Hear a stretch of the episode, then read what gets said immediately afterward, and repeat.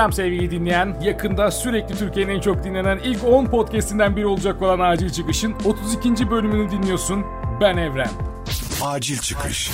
Nasıl da unuttuk ama koronayı, Covid'i değil mi?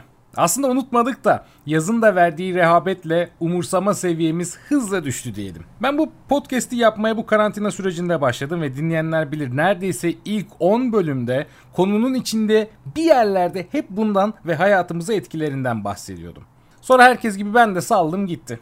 İnsanlar artık başka şeylerden bahsedelim, başka şeyler duyalım dedi. Artık bu hayatımızın bir parçası kabulleneceğiz zaten diye düşündü ama hayatımızın bir parçasından çok böyle bir şey yok ki.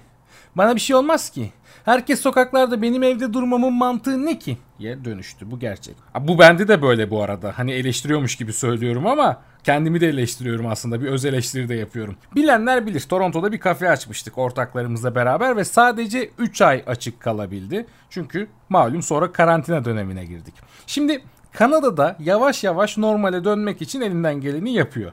Toronto'da kafe ve restoranlar belli sayı kurallarıyla açılmaya başladı ve biz de kendimizi bu açılma toplantıları içinde bulduk. Hasta olmakmış, hastalıkmış bunlar konumuz değil artık.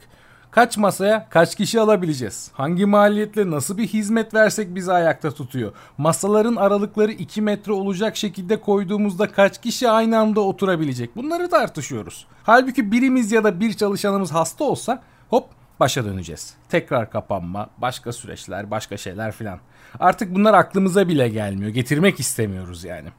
Bu neredeyse tüm dünyada böyle. Dünya Sağlık Örgütü de geçtiğimiz günlerde bir toplantı yaptı. Bu toplantıya davranış bilimciler, sosyolog ve antropologlar katıldı ve Covid-19'un toplumsal ve politik yanlarını tartıştılar. Hala büyük bir tehlike var. Hastalık burada, aşı yok, değişen çok bir şey yok ama neden kimse bunu kabullenmiyor? Neden kimse takmıyor? sorusu üzerinde tartıştılar ve toplumların doğru tercih yapmasını sağlamak için yapabilecekleri şeyleri konuştular. Tabi sadece konuştular. Anca tavsiye verebiliyorlar. Herhangi bir yetki güçleri yok biliyorsunuz. Dünyada koronavirüs vaka sayısı 18 milyona ulaştı. Bir hafta içinde 1.8 milyon kişi de vaka tanımlandı. Dünya genelinde ölüm oranı 685 bin oldu ki bunlar resmi sayı. Bir de birçok ülkenin biliyorsunuz sayıları ya yanlış ya da net bilgi vermiyorlar. Siz bunlara biraz daha ekleyin kafanızda.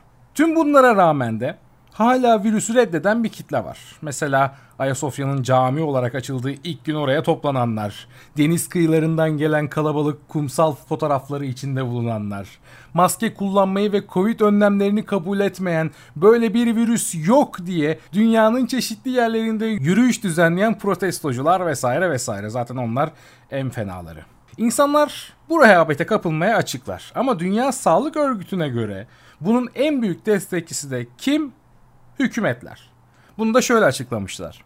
Dünyada bakın salgın yayılırken bir rehavet var. Zaman zaman politik boyutlara ulaşıyor. Rehavet siyasetin tepesinden yayılıyor insanlara doğru. Tedbirli halin umursamazlığa dönüşmesine etken olan da bu.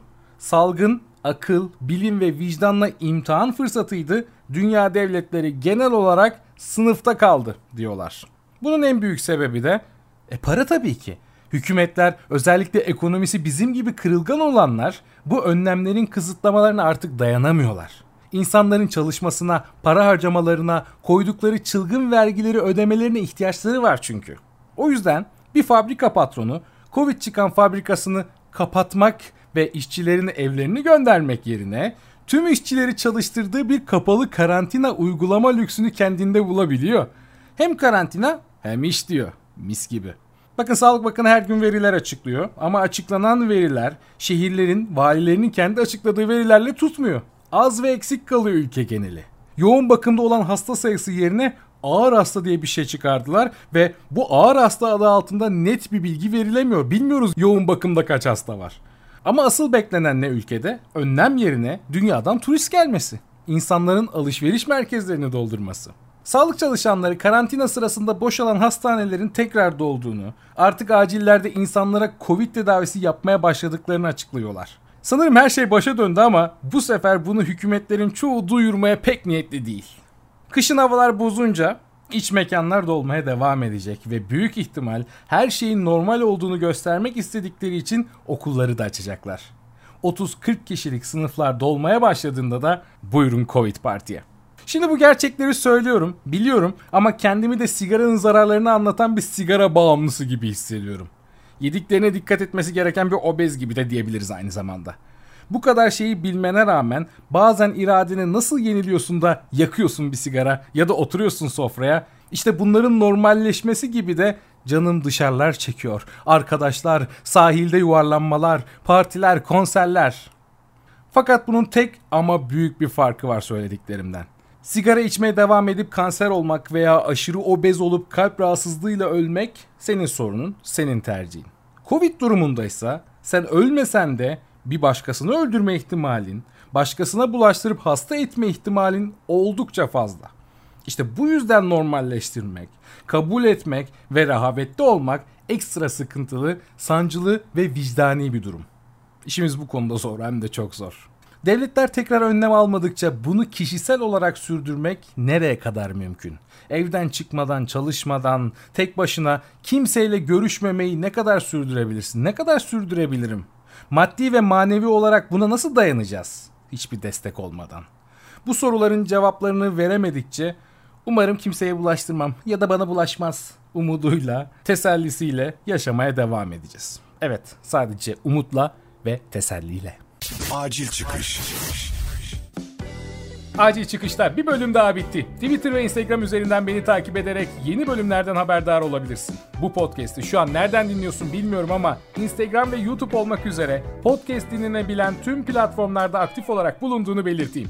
Eğer dinlediklerin hoşuna gittiyse beni dinlediğin platform üzerinden takibi alman ne de güzel olur. Bana ne de güzel hissettirir biliyor musun? Artık biliyorsun. Yeni bölümde görüşmek üzere. Evren Başer'le acil çıkış sona erdi.